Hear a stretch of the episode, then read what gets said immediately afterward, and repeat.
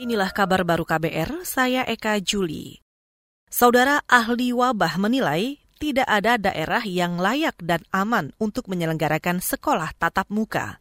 Epidemiolog dari Universitas Griffith Australia, Diki Budiman mengatakan, jika ada daerah yang mengklaim siap sekolah tatap muka, diduga itu tidak menggunakan indikator epidemiologi sangat berbahaya karena artinya kita tidak akan berkontribusi ya tidak akan me melakukan perbaikan atau berperan dalam mengurangi ya setidaknya mengurangi situasi yang sudah semakin buruk ini dan ini tentu berbahaya sekali untuk tidak hanya untuk anak didik sekolah dan juga untuk gurunya itu juga untuk masyarakat. Ahli epidemiologi Universitas Griffith Australia Diki Budiman menyarankan Pemerintah daerah mengevaluasi kembali strategi pengetesan COVID-19.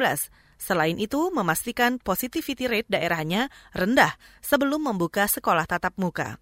Saudara, hari ini tahun ajaran baru dimulai.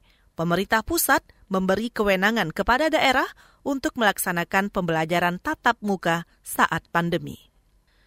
Sebanyak lebih 100 orang di salah satu pondok pesantren di Kecamatan Cilacap Tengah, Kabupaten Cilacap, Jawa Tengah, positif COVID-19.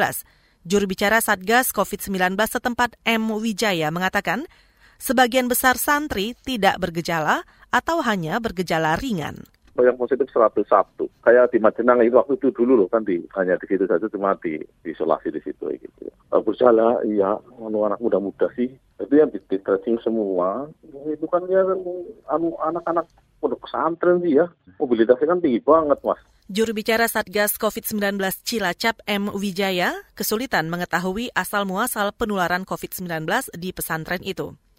Dia memastikan pelacakan terus dilakukan untuk memutus penularan COVID-19.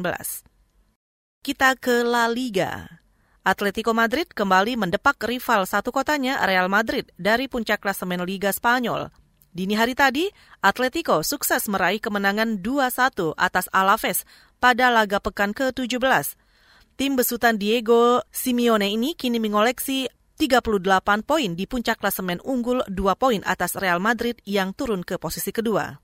Sementara itu, di pertandingan lain, kembalinya Lionel Messi dari cedera ditandai dengan kemenangan tipis Barcelona atas Huesca 1-0. Kemenangan itu membuat Barcelona naik ke posisi kelima dengan raihan 28 poin, sedangkan Huesca berada di dasar klasemen. Saudara demikian kabar baru, saya Eka Juli.